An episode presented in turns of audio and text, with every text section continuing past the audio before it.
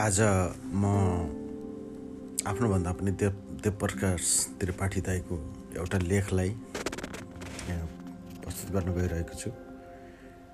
केपी दोस्रो पटक पनि मेरो गौला प्रत्यार्पण गरेर स्वस्थ जीवन बाँच्न समर्थन हुन्छन् भन्ने एक प्रतिशत मात्र आशंका उत्पन्न भएको भए प्रचण्ड एमालेसँग पार्टी एकीकरणका लागि निमित्त तयार हुने नै थिएनन्। उनलाई काङ्ग्रेस र मधेस केन्द्रित समूहबाट पाँच वर्षसम्म प्रधानमन्त्री बनिरहन प्रस्ताव आएको थियो। काङ्ग्रेसको यस्तो प्रस्तावले प्रचण्डलाई केही दिन दुविधाग्रस्त बनाएको पनि हो खास गरी पार्टी केन्द्रीय कार्य समितिबाटै निर्णय गराएर तपाईँलाई पाँच वर्षसम्म प्रधानमन्त्री बनाइने भनी काङ्ग्रेसले राखेको प्रस्तावले प्रचण्डलाई दुविधाको मानसिकतामा पुर्याएको थियो। तर केपीको कमजोर स्वास्थ्य प्रचण्डको निम्ति यति आकर्षणको विषय बन्यो कि काङ्ग्रेसको प्रस्ताव परित्याग गर्ने निष्कर्षमा उनी पुगे। नेपाली समाजको चेतना स्तर तथ्य बुझेर मात्र धारणा बनाउने तहमा पुगेको देखिँदैन र सूचनाका स्रोतहरूमाथि पहुँच राख्ने सामर्थ्य पनि आम मानिसमा हुँदैन। आफूलाई जे लाग्छ त्यसैलाई सही ठान्ने र नकारात्मकतामा मात्र रमाउने संस्कार बसेका हुनाले धूर्त एवं स्वार्थी जत्थाहरूबाट नेपाली समाज भुलभुलैयामा पर्दै आएको छ।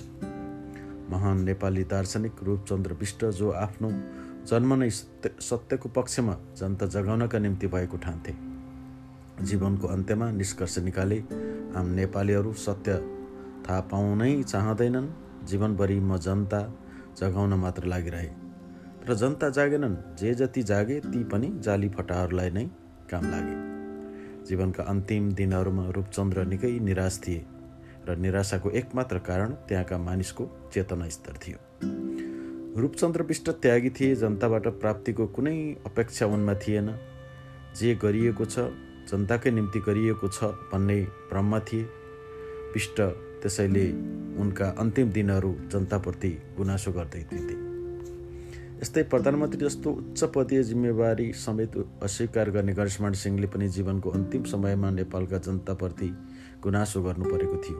तिब्बतमा लडाइँ लडेर नेपालको मान र सीमा विस्तार गर्ने भीम मल्लको अहिलेसम्म एउटा शालिगसम्म निर्माण गर्न आवश्यक नठान्नेहरूको देश हो यो।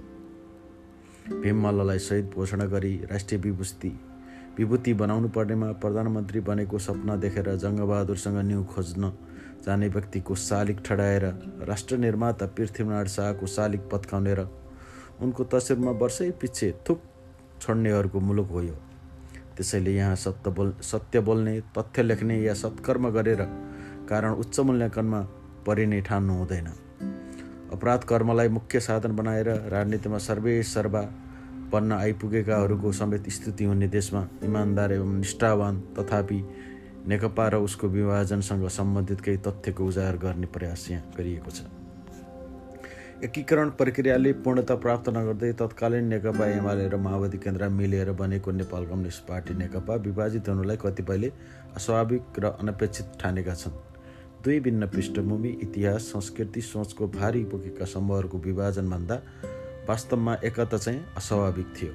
एमाले कित्ताको जन्म झापा विद्रोहको गर्भाधानबाट भएको र उक्त विद्रोह निर्दलीय पञ्चायती व्यवस्थाका विरुद्ध लक्षित थियो। माओवादी कित्ताको जन्म चाहिँ झापा विद्रोहको विरोधमा एकत्रित कम्युनिस्टहरूको दुई हजार एकतिस सालमा चौथो महाधिवेशन गरेपछि भएको हो। नेकपा चौमा कम्युनिस्ट पार्टीका संस्थापक नेता पुष्पलाल र झापा विद्रोहको विरोधमा खडा भएको तत्कालीन कालखण्डको एउटा सशक्त कम्युनिस्ट पार्टी थियो जसको नेतृत्व मोहन विक्रम सिमिया र निर्मल लामाले गरेका थिए। त्यही सम्भव मसाल मसाल एकता केन्द्र नेकपा माओवादी हुँदै माओवादी केन्द्र बनेको तथ्य जगजाहेर नै छ।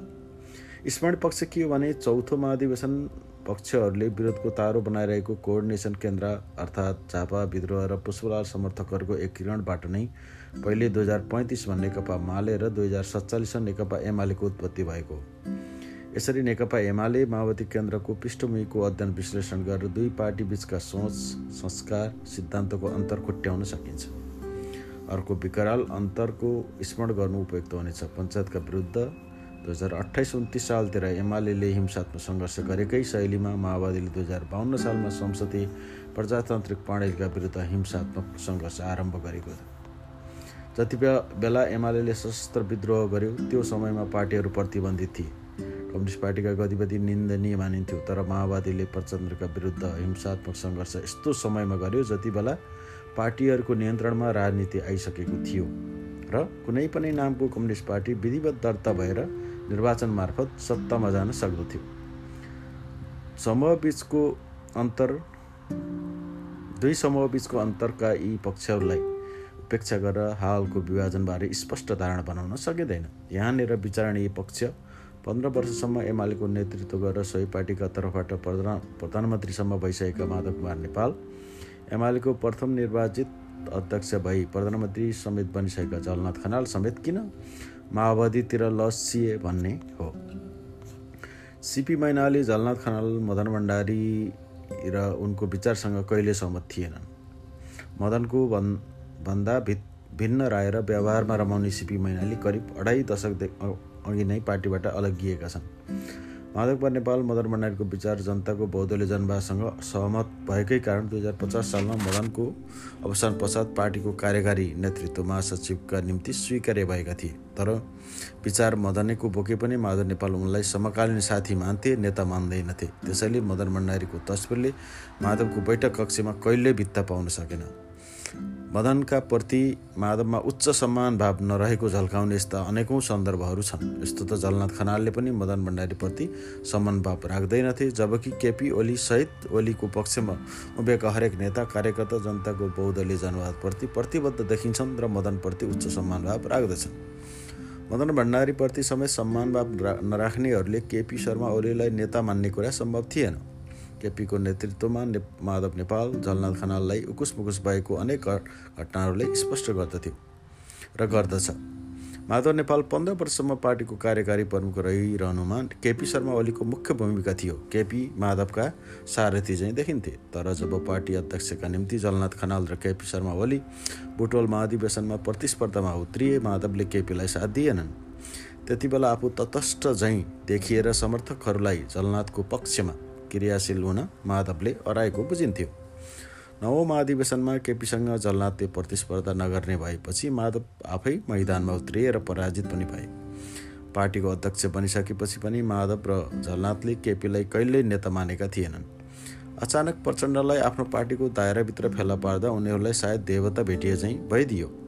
सहयात्राका निम्ति तयार भई केपीलाई नेता मान्नुपर्ने पीडाबाट छुटकारा पाउनका निम्ति माधव र जलनाथ अलगिएका हुन् भन्न सकिन्छ। दुई हजार त्रिसठीको परिवर्तन र नेपाली राजनीतिमा माओवादीको खरेदार प्रवेशलाई गिरिजाप्रसाद कोइराला कृष्ण सिटौला डाक्टर के शेखर कोइराला माधव नेपाल र जलनाथ खनालहरूले स्वाभाविक रूपमा ग्रहण गरे पनि केपी शर्मा ओलीमा त्यसले छटपट्टि बढाएको उनकै अभिव्यक्तिबाट स्पष्ट गर्दथ्यो। सडकदेखि सदन र हावादेखि रुखा पातसम्म माओवादीमय भएको त्यो समयमा एक्ला केपी ओली चुनौती र जवाब बनेर माओवादी विरुद्ध उभिएका थिए। नेकपा ओलीका सय कमजोरी नभएका होइनन्। उनको आलोचनात्मक पाटो केलाउन खोजियो भने एउटा लेख होइन पुस्तक नै बन्न सक्ला तर माओवादीको हिंसात्मक एवं अपराध अपराधिक क्रियाकलापमाथि प्रश्न उठाउन केपीले कहिल्यै छोडेनन्। दुई हजार त्रिसठी सालमा गिरिजाप्रसाद कोइराला सर्वशक्तिमान प्रधानमन्त्री बनेका बेला केपी शर्मा ओलीलाई परराष्ट्र मन्त्रालयको जिम्मेवारी दिएको थियो। तर प्रचण्ड बाबुरामहरूले नेपाली सेनालाई बलात्कारीहरूको झुन्ड भनेर बदनाम गर्न खोज्दा जवाब फर्काउन केपी नै अग्रसर हुन्थे र माओवादीको अस्वस्थ हाइकमलाई चुनौती र चेतावनी दिन केवल केपी मात्र अघि सर्दथे। त्यस्ताका केपी जस्ता नेता विद्या भण्डारी जस्तो रक्षा मन्त्री नभइदिएको भए नेपाली राष्ट्रिय सेनामा पार्टीका प्रति प्रतिबद्ध झन्डै बिस हजार गोरिल्ला छापामारहरूले प्रवेश पाउने निश्चित प्राय थियो। छत्रमान सिंह गुरुङ सेनापति रहँदै रहँदा दसौँ हजार गोरिल्लाहरूलाई नेपाली सेनामा राष्ट्रिय सेनामा कसरी घुसाउन खोजिएको थियो भन्ने तथ्य विवरण उपयुक्त समयमा सार्वजनिक हुनेछ।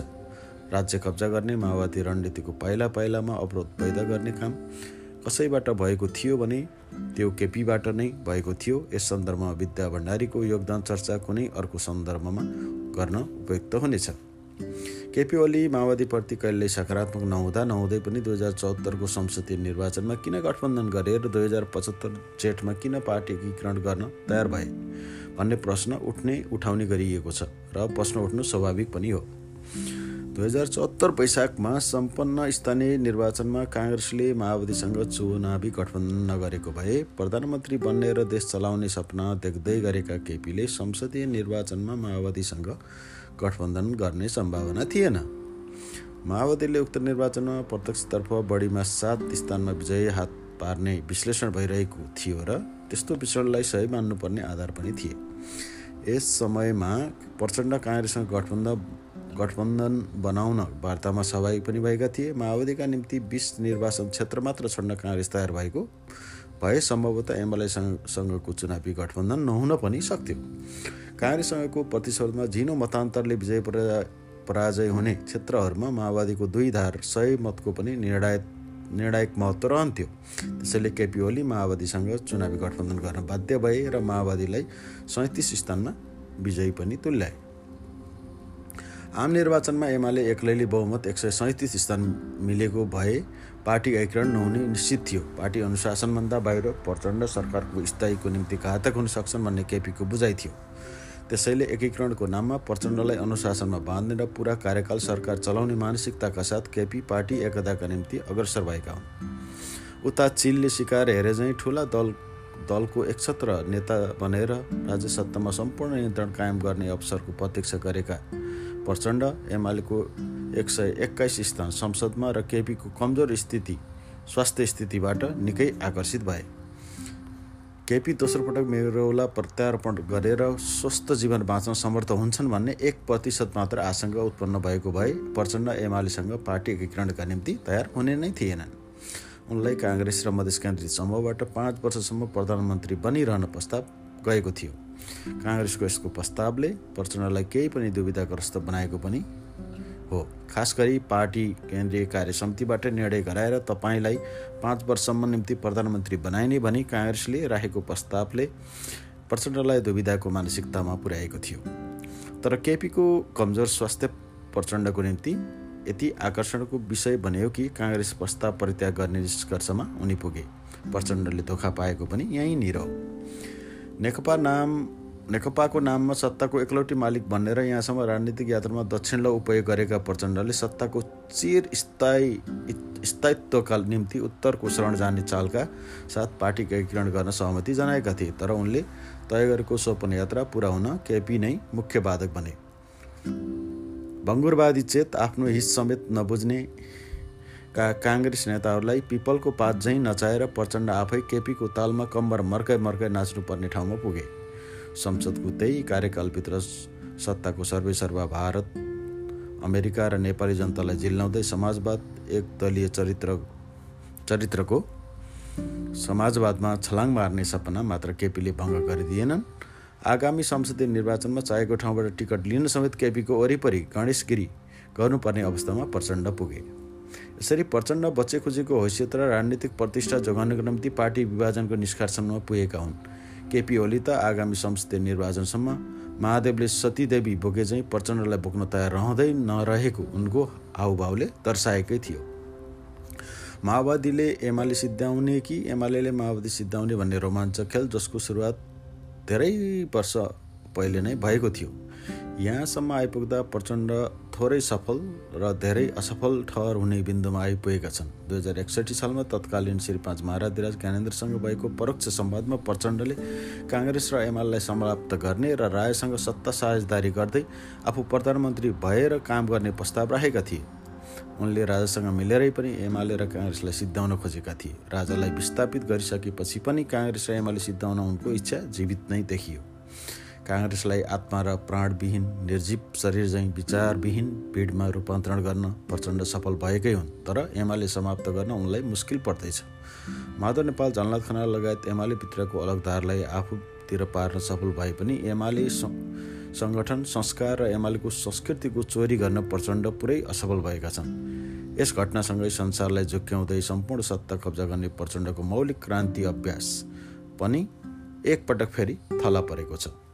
प्रचण्ड जातिवादमा आधारित आरक्षण प्रणाली पृथ्वीनारायण शाहको उपेक्षा र अपमान एकीकृत सार्वभौमिकताको खण्डीकरण धर्मनिरपेक्षतासहितको इसाईकरण आदिलाई आफ्नो महान उपलब्धिका रूपमा व्याख्या गर्दैछन्। उनले वामपन्थी काङ्ग्रेसको साथ लिएर पन्ध्र राज जातीय राज्यमा विभक्त गर्न गरेको प्रयासलाई केपीले उति बेलै भत्काइदिएका हुन् र अब प्रचण्डका उपलब्धिहरूको रक्षा कसरी हुने हो जिज्ञासा र प्रतीक्षाको विषय बनेको छ। अग्रज पत्रकार घटना र विचार साप्ताहिक संस्थापक सम्पादक हुनुहुन्छ यति।